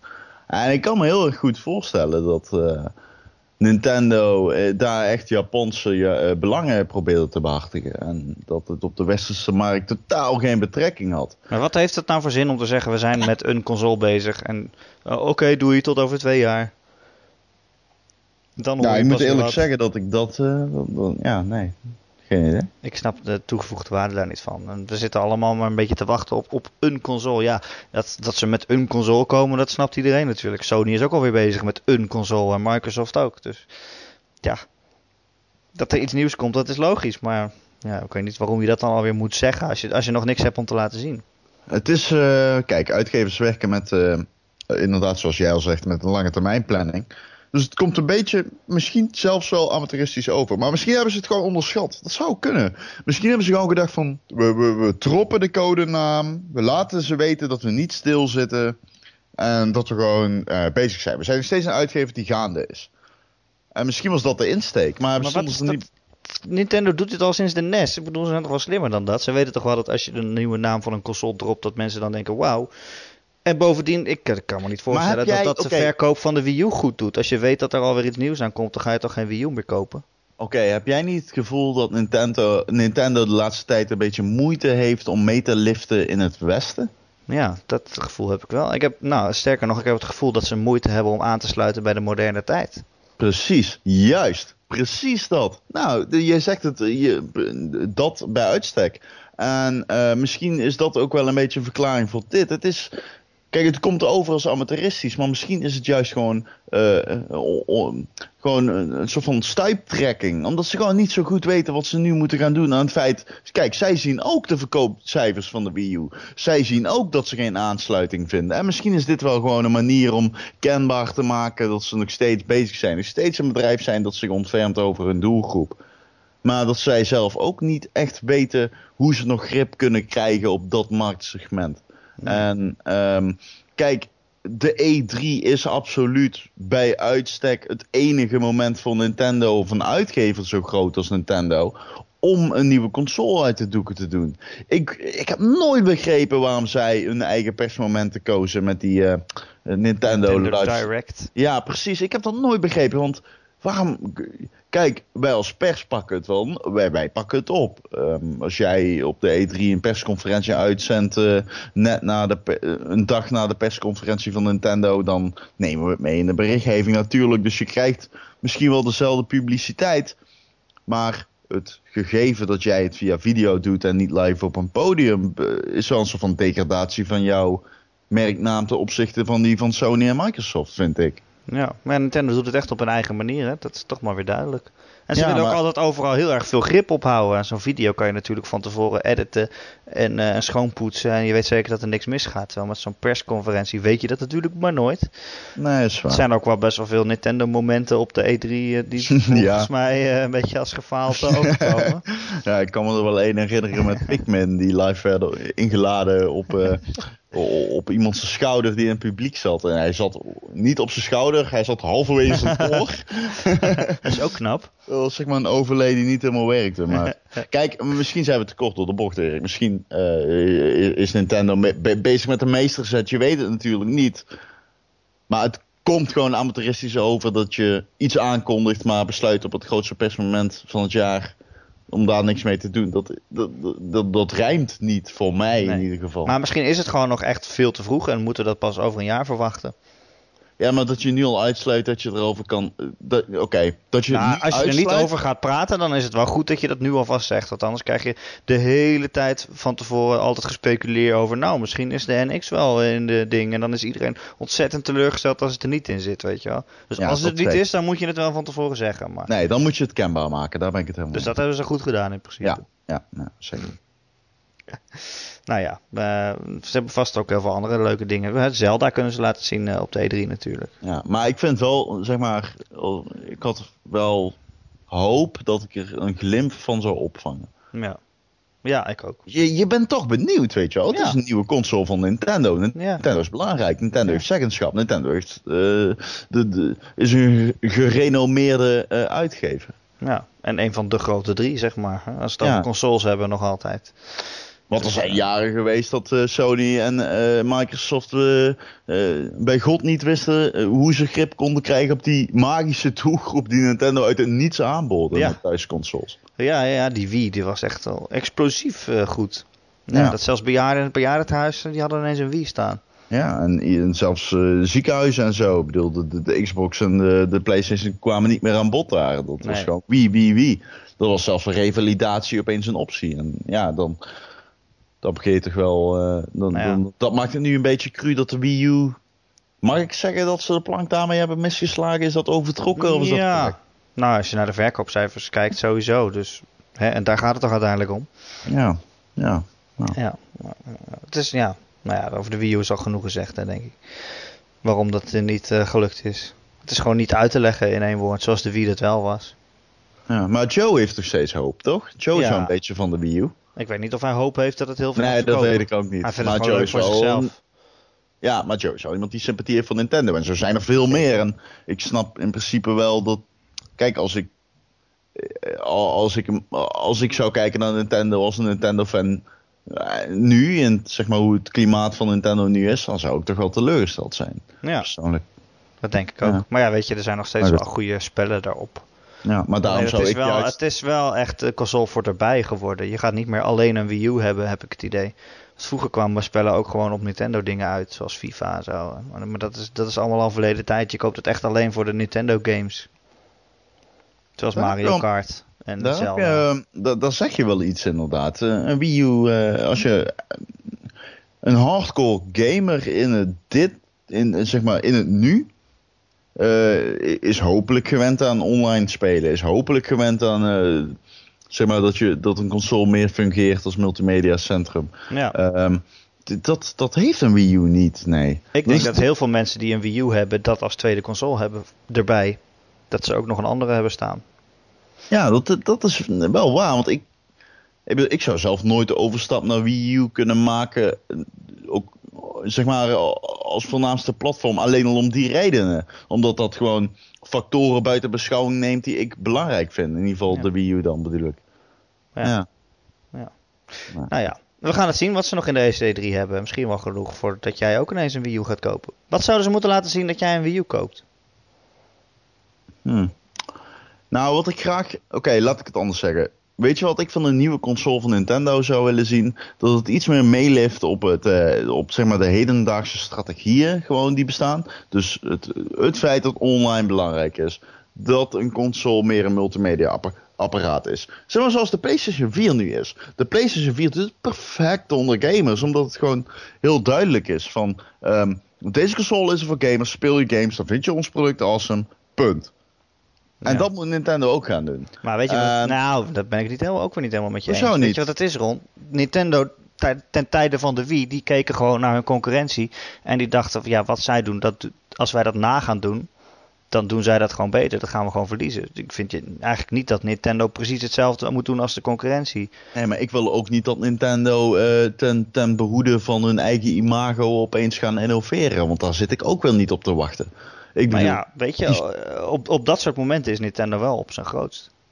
ja, nee, dat Op het moment dat waar, concurrentie maar- is die iets veel beter kan, en dan denken zij, nou ja, dan gaan wij gewoon, gewoon iets heel anders doen. Nee, maar dan komen we in de situatie zoals die nu is. En eh, de Wii U Ja. eh, was een blijk van hun visie. absoluut innovatief. Is het niet geworden. Maar dat Dus je iets ze heel nieuws gaat doen, betekent niet per se dat je het ook meteen goed hebt. Ik bedoel, je kan ook iets nieuws doen wat dan weer niet goed uitpakt. Nee, maar waarom zou je weer... Nee, maar ik, ik, kijk, ik probeer het wel realistisch in te zien. hè. Ik, ik kan me voorstellen als hè, Nintendo zijnde verantwoordelijk voor zo'n grote groep aandeelhouders en investeerders...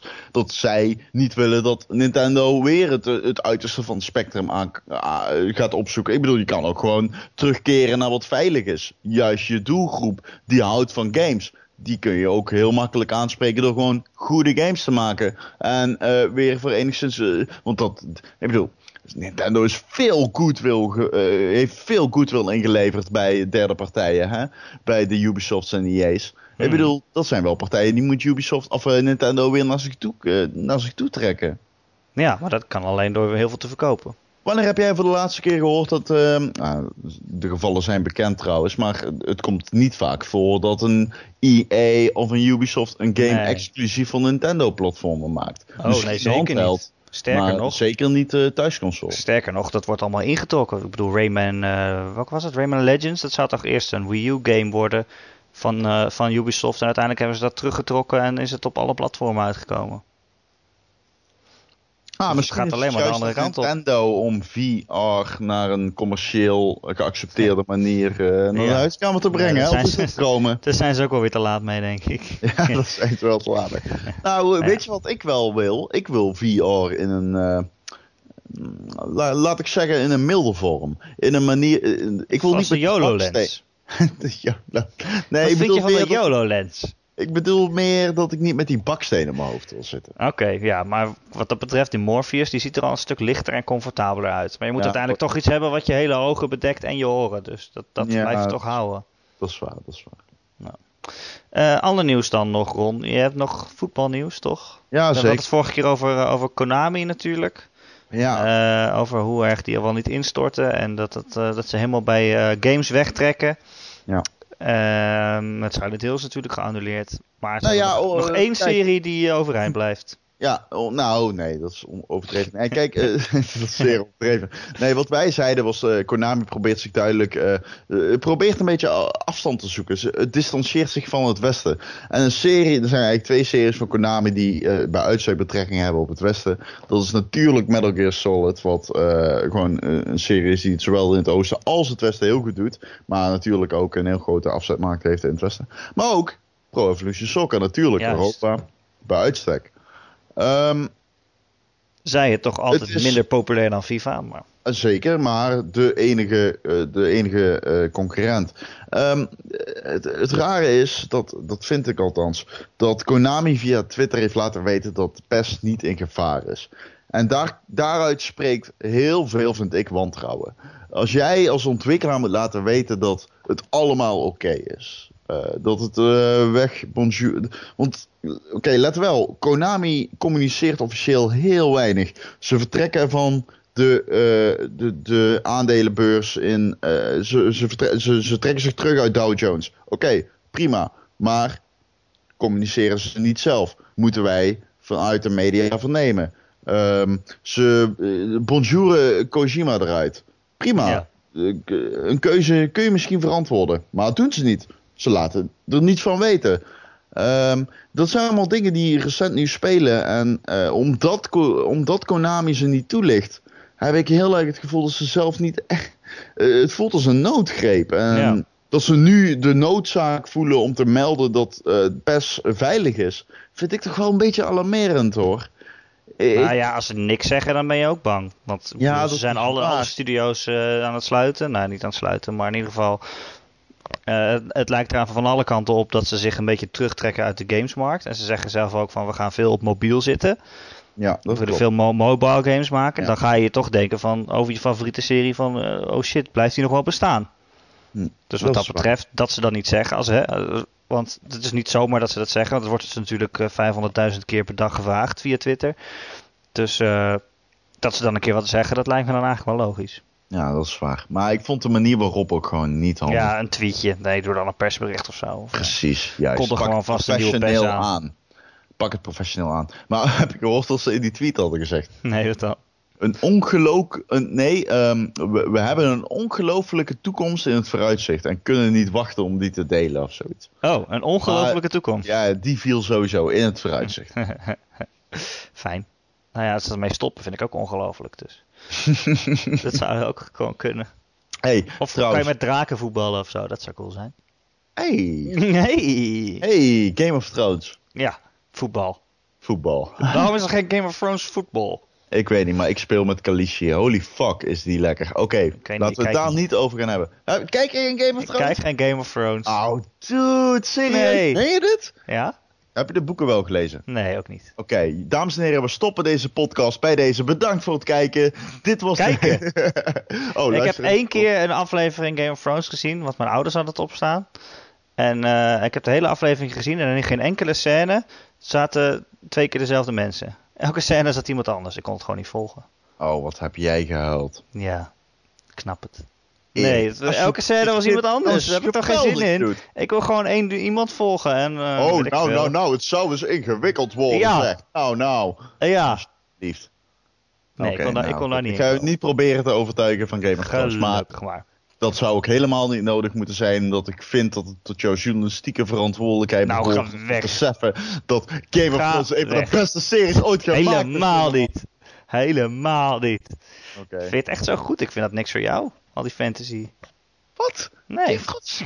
Oh, ten eerste, ik heb geen echte voorkeuren hoor. Ik, ik kan overal van genieten als het maar goed is. En Game of Thrones is Ja, geweldig, dude. maar is dat vooral de seksscènes? Of? Oké, Khaleesi speelt een rol. Eh, Emily Clark is een hele mooie dame. En eh, topless vind ik het een eh, prachtige verschijning. Maar alsjeblieft, die serie heeft zoveel te bieden aan diepgang. En eh of Thrones geweldig doet, Erik. Alsjeblieft. Diepgang. Eh, ik, we hebben het dus over diepgang. Ze, ze, ze diepen karakters uit om ze daarna gewoon te vermoorden. Dat vind ik geweldig, alsjeblieft. Dat vind ik echt geweldig, meen ik. Nou, dat vind ik echt tof. het er- We zullen het er nooit over eens worden. Oké, nou, dan laat maar zitten. hey, ik wil het nog wel even hebben over de concurrent van PES. FIFA.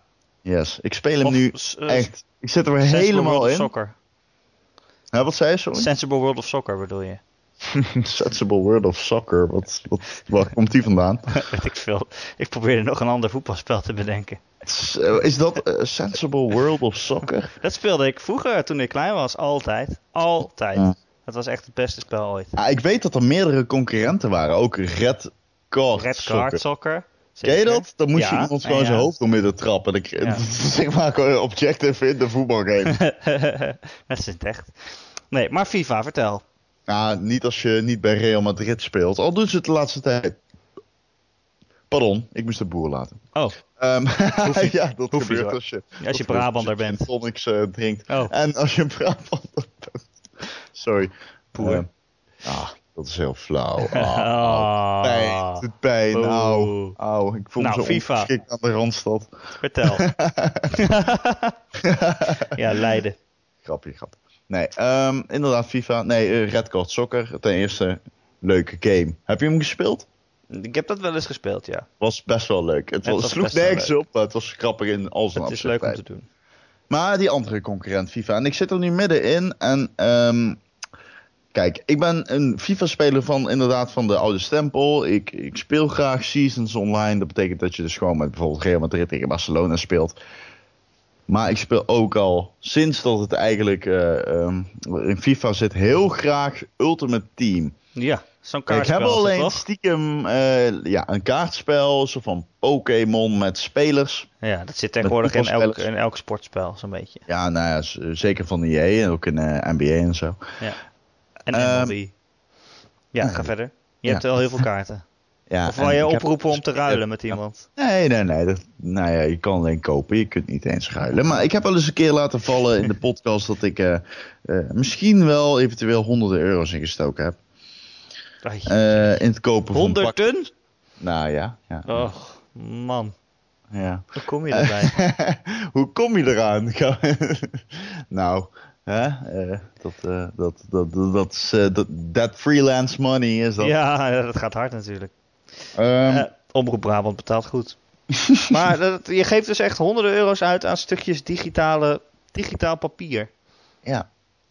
Ja. En, maar we- weet je, oké, dat vind Ja, ik op zich niet kan er erg. wel, ik kan er wel omheen praten, maar dat heb ik al gedaan. Ik doe het niet meer omdat ik het nu onzin vind, maar ik heb het Nou, wel gedaan. Ik vind het op zich niet erg als mensen dat doen. De vraag is alleen, haal je, haal je het eruit qua plezier?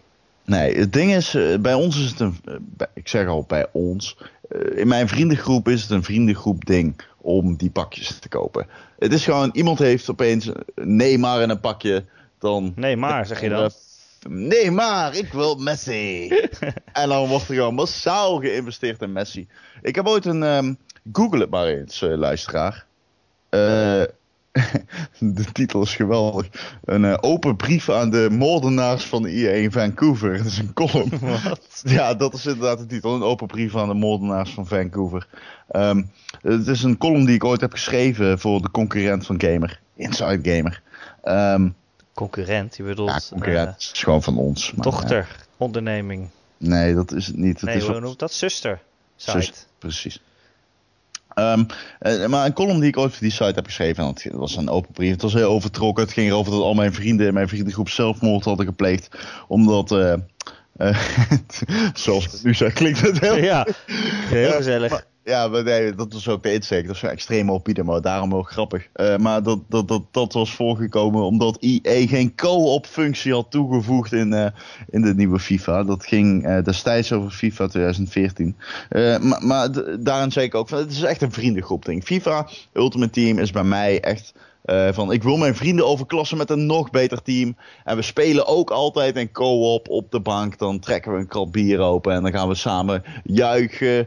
Hè, zoals Louis Vergaal zou zeggen. Om Ja. ieder moment dat we een pakje openen. Omdat we kans maken op Messi. En we scanderen Messi, Messi, Messi, Messi. Op, we hopen gewoon dat we hem een keer hebben. Nou, het is nog niet gelukt. Oh, jezus, echt. ja. Honderden euro's, dan heb je nog niet waar je, waar je voor kwam Ja, eigenlijk. ja, maar dat is wel het verleden. Zou, inmiddels doe ik dat eh, niet meer. Ah, ik ben en wijs geworden, Erik. Maar dit weekend heb ik in een pakje gehad van 7500 in-game munten. Ja. Bale. En ik kan je oprecht verzekeren, ik ben zelden zo blij geweest. ik, ik heb mijn, eh, mijn, mijn, eh, mijn bovenbuurman, die hoorde mij schreeuwen. Nee, dat, dat, dat is echt gebeurd. Zo blij. Ik heb, eh, ja, het is bijna Oh. Het is bijna aandoenlijk. Het is nog steeds geen Messi, maar oké. Nee, het is geen Messi. Het scheelt iets van 1 miljoen in-game coins. Messi is bijna een miljoen waard. Het was niet balen. Ik, echt waar. op een dag. Erik. Maar eh, ja, dat moment, eh, weet je, aan, aan de ene kant is het extreem treurig dat een kaartje digitale content, het is niet meer dan een 1 en een 0 eh, in een combinatie natuurlijk.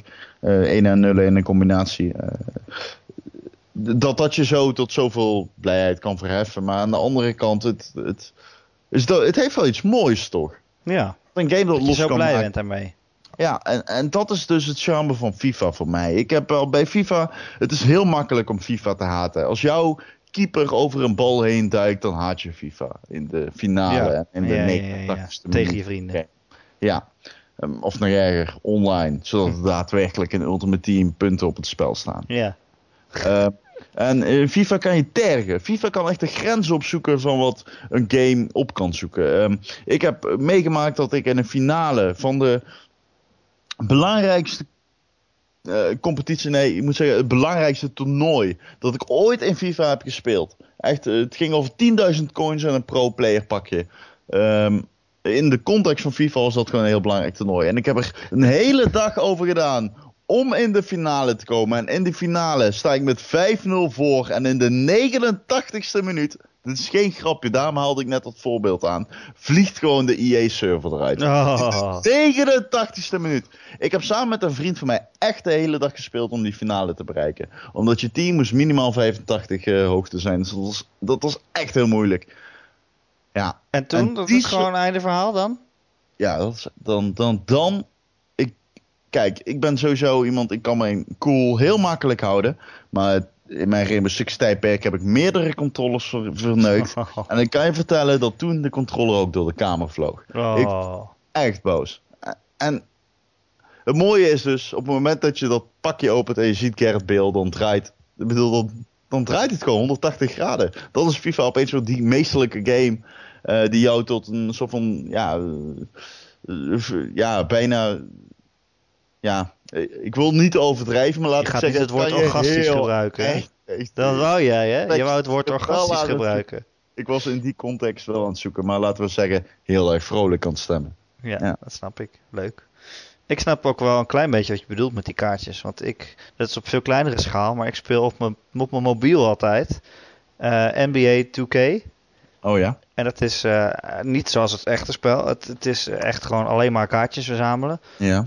En dat is een soort de top trumps, weet je wel. Vroeger speelde je dat vroeger? Gewoon kaartjes? Ja, ja, ik ken het. Ja, kaartjes die hebben dan allemaal cijfers. En dan moet je ze tegen elkaar gooien. En dan wie het hoogste cijfer heeft, die wint. Mhm. En dat is het echt gewoon. Het is dat. Je bouwt een team van vijf poppetjes. Die, die kan je inzetten met, met cijfers. En elke keer als je wint, dan kan je weer nieuwe random kaartjes eh, krijgen. En zo kan je steeds weer groeien en groeien en betere kaartjes krijgen. Dat is een echt ontzettend simpel kutspel, maar ik blijf het maar spelen. Dat hele kaartjesysteem, man. het is ik, echt vreselijk. Man, ik denk dat EA bidden loopt als een bezetene. Ja, ik kan me ook. echt waar, als je kijkt naar die, die, die, die structuur van FIFA Ultimate Team, dat is gewoon achteroverleunen en kijken hoe je bankrekening omhoog loopt. dat is echt bizar gewoon. Maar er zit gewoon wat in dat kaartjes verzamelen. Het is het verzamelen, maar het is het ook het krijgen van nieuwe willekeurige dingen. Die soms heel goed zijn, en maar meestal niet. Ja, dat werkt gewoon.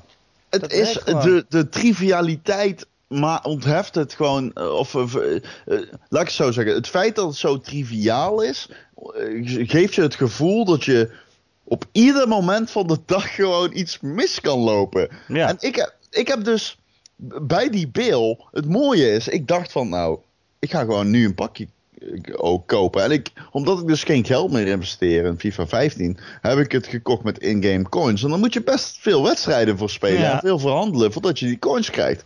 Dus ja, als je zo'n pakje koopt voor 7500 coins, dan is best wel een, eh, een investering waar je bij stilstaat. Dus Ja. Voor 7500 coins, zeg maar voor 11.000 coins koop je Diego, eh, Diego Costa, een van de beste spitsen in het spel.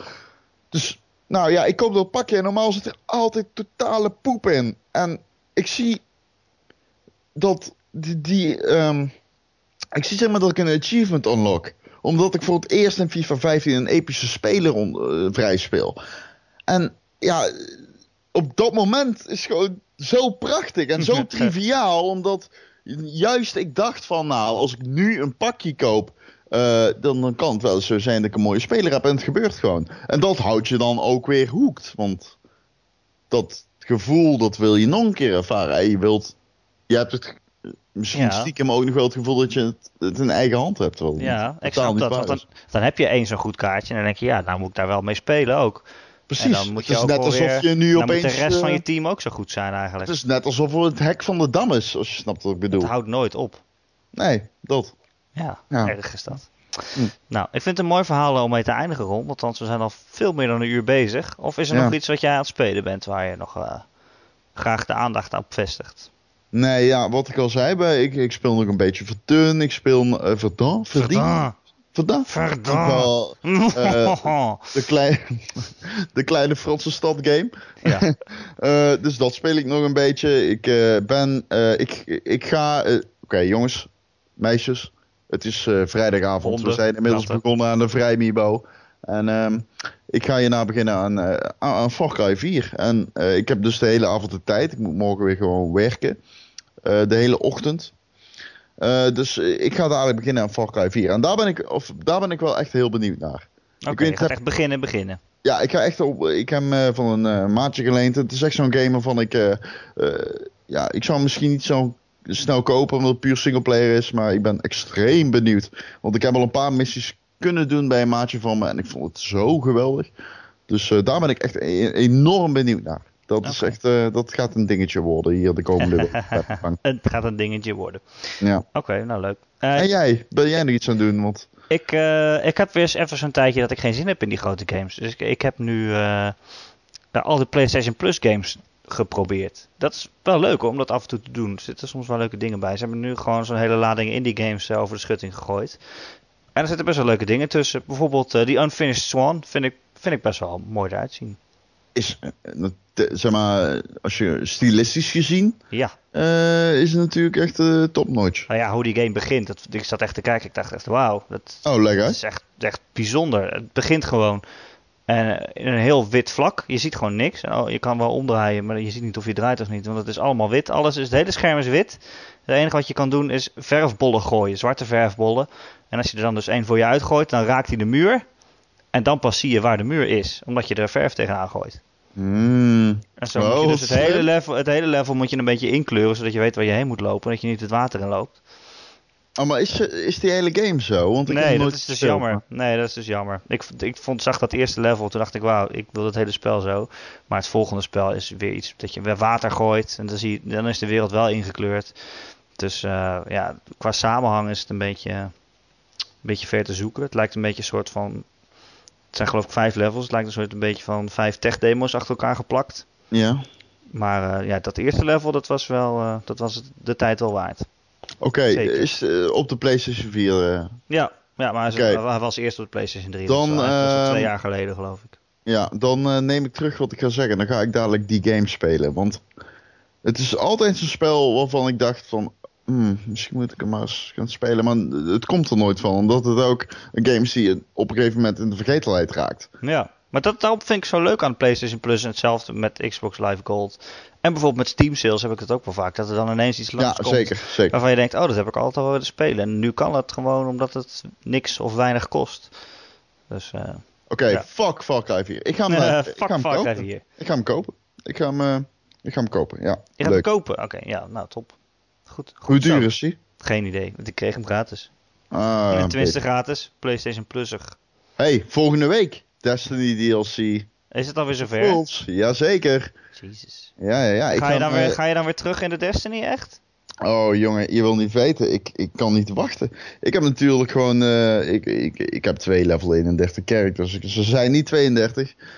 Zo hardcore ben ik niet. Maar je wilt niet weten hoe psyched ik ben om terug in die wereld te duiken. Destiny is gewoon als crack. Aha. Nou, Destiny waarom ben je dan gestopt? crack. Destiny is als FIFA. Nou, het is meer een. eh, een eh, op een gegeven moment. eh, Destiny is ook al een speel die speel. pardon. Destiny is wel een game die je met vrienden speelt. En mijn vrienden haakten af.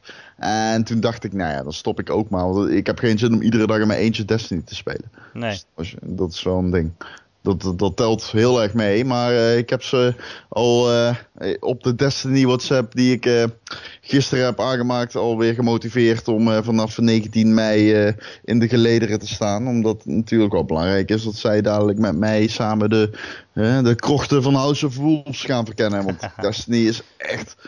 Ik bedoel, er is geen game die verslavender is dan Destiny. Althans, niet in de laatste twee jaar. Niet voor mij. Ja, het is een shooter en het is eh, heel erg, speelt heel erg in op verslaving door, door je allemaal loot te geven natuurlijk. Dus wat dat betreft is het voor jou eh, waarschijnlijk onverstaanbaar. Ja, maar ook voor iedereen hoor. Ik, ik durf wel te zeggen dat als jij hem gaat spelen en je speelt met een vast groepje, dat je ook hoekt bent. Ja, dat is waar. Maar ik, heb, ik speel niet zo vaak online, dus ik heb niet zo snel een vast groepje. Ah, ik speel eigenlijk nooit online. Mm, oké. Mhm. Weet je wat ook uitkomt deze week? Mm, Nu weet je wel. wat? The Witcher 3. Wild Ah. Natuurlijk, ja. Ja, Ah, een monster van een game, als ik het goed begrijp. mm, ik, eh, ik hoor... Ik, eh. Kijk, Gillian eh, zou hier over uit moeten wijden. Hij doet een recensie op gamer.nl. Maar wat ik ervan begrijp is een beetje dat ik, ik hoor gemixte verhalen erover. In alle gevallen schijnt het een geweldige game te zijn. Maar geweldig wordt dan weer anders Maar hoe geïnterpreteerd. Ja, precies. Want eh, ik heb toch het gevoel dat een game is waarvan heel veel mensen niet durven te zeggen dat hij tegenvalt op dit moment. Ja. dat is- Uh, Snap je een beetje wat ik bedoel? Ja. Maar ik, ik vind het ook gek dat die game ineens zo soort van mainstream is geworden. En dat, het- dat iedereen daar zo naar uitkijkt ineens. Want deel 2 en vooral deel 1 was eigenlijk best wel heel moeilijk en helemaal niet mainstream. Ja, nou, dat is raar. Eh, hij zat ook in, eh, hoe heet het ook weer? Team Coco. Kut, ik, eh, die, die talkshow host, Late Night. Wat? Weet je niet wat ik bedoel? Conan O'Brien? Ja.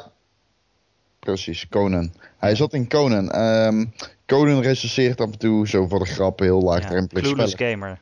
Clueless Gamer, exact. En eh daar zat ook The Witcher 3 in. En dat vond ik totaal geen titel eh, voor, voor, in, eh, voor die daarbij aan zou sluiten. Maar hij vond hem geweldig, omdat je seks kon hebben op een engel. Ja, dat, dat, dat, dat vond ik dat is ook was, top. Het was fucking grappig. En eh, dat was het ook al toen met Resident Evil 6. Die deden ze ook, die deden ze ook in eh Clueless Gamer. Heel erg grappig. Ga het even opzoeken, want het is heel leuk. Maar dat zegt wel iets over hoe mainstream het is. Ja, dat, dat is waar. Maar ja, ik vond het gewoon opvallend, omdat het vorige deel nou niet per se heel toegankelijk was, zeg maar. Ja, mij nu, het terwijl nu ook- wordt het een soort van gehyped als nieuwe Skyrim, weet je wel? Ja, Want ja, dat ja. is het volgens mij niet. Nee, dat, zo moet je het niet zien. Nee, nee, nee. Eh, ja, maar dat is ergens ook Zo weer wordt het wel aan de man natuurlijk, hè? Dat is wel een minpunt. Dat het van die shamers... Nou, oké, niet shamers. Ik zeg veel te vaak shamers in de podcast. Maar dat... Vind ik wel het heeft wel iets... Ah, oh, dankjewel, Erik. nee, maar het heeft wel iets verloren van die... eh, ja, zo, toch van die charmes. Die het vroeger wel had. Eh, Het was altijd zo'n game die gemaakt werd door... eh, Ja, zo'n gekke Poolse studio die Ja. dan... Hè, die, die dan helemaal losging in die fantasywereld. En nu heb je toch het gevoel dat er ook commerciële belangen mee zijn gaan spelen. Ja. Maar eh, misschien moeten we anders Gillian eh, voor volgende week uitnodigen voor de podcast. Nou, dat is een idee. Laten we het niet in, eh, in laten we het niet set in stone, zo gezegd, Nee, laten. Maar het, het is wel een optie. want. Joe, want Joe is weer met Max aan het stappen. Max Zo. Verstappen. Ik Volgende ben week. benieuwd waar het avontuur uit de disco dat ze hebben beleefd in de discotheek is geëindigd. Want Ja, laatste wat we hebben gezien van Joe en Max eh, als, eh, als duo is dat eh, Joe met zijn hand op de kont van Max aan het dansen was in de discotheek. En ik ben heel benieuwd of dat nog een, sequel heeft gekregen. Wat Ja. denk jij, Erik? Nou, we- weet ik niet. Misschien was Max wel chagrijnig omdat hij geen punten haalde. Dus dat het daarom een beetje bekoeld is. Maar eh, volgende week is weer een nieuwe ronde, nieuwe kansen. Dus dat geldt ook voor Joe. Laten we hopen dat Max niet zeg maar die step too far, die, die step te ver neemt. Stap te ver? Stap te ver. Precies, heel goed Ron. Ehm, nou, voordat we een stap te ver gaan, zou ik zeggen dat we maar moeten afronden, Ron. Afronden. Eh, volgende week is er weer een nieuwe Gamer.nl podcast. Je kunt hem eh, elke maandag vinden op onze website. Te downloaden dus via Gamer.nl. Luisteren via YouTube of je kunt hem gewoon vinden op iTunes. En als je daar bent, dan kun je ook je recensie achterlaten. Als je daar een sterrenrating achterlaat, vinden wij heel fijn. Dan kunnen we weer beter gevonden worden en nog meer internetvrienden maken. Eh, heb je een vraag voor de podcast? Mail hem dan naar mij, erik.gamer.nl, erik met een k, at gamer.nl. En eh, ja, hopen we je volgende week weer eh, te horen. Ja, Dan- laten we het hopen, toch? Ja, dan eh, zonder Joe. En misschien moeten we er nog een timer aan zetten. Ja, nog één weekje zonder uur Joe. volgens mij. Ja, dit was een lange podcast, ja. hey, maar houd vol, luisteraars. Joe komt vol. Joe over fans. Twee weken weer terug. Joe fans. En we kijken er allemaal naar uit. Oké, maar tot die tijd. Tot volgende week. Tot volgende week.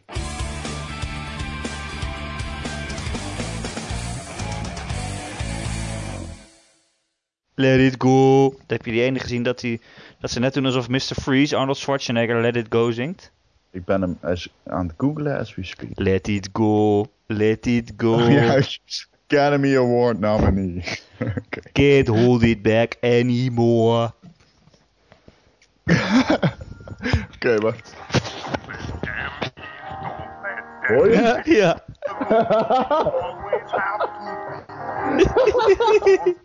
Let it go. Well, now they know. Let it go. Let it go. Can't hold it back anymore. Oh my god. Let it go. Dit is geweldig. Ik ben zo blij dat ik dit nog heb meegemaakt voordat Alsjeblieft. Graag gedaan.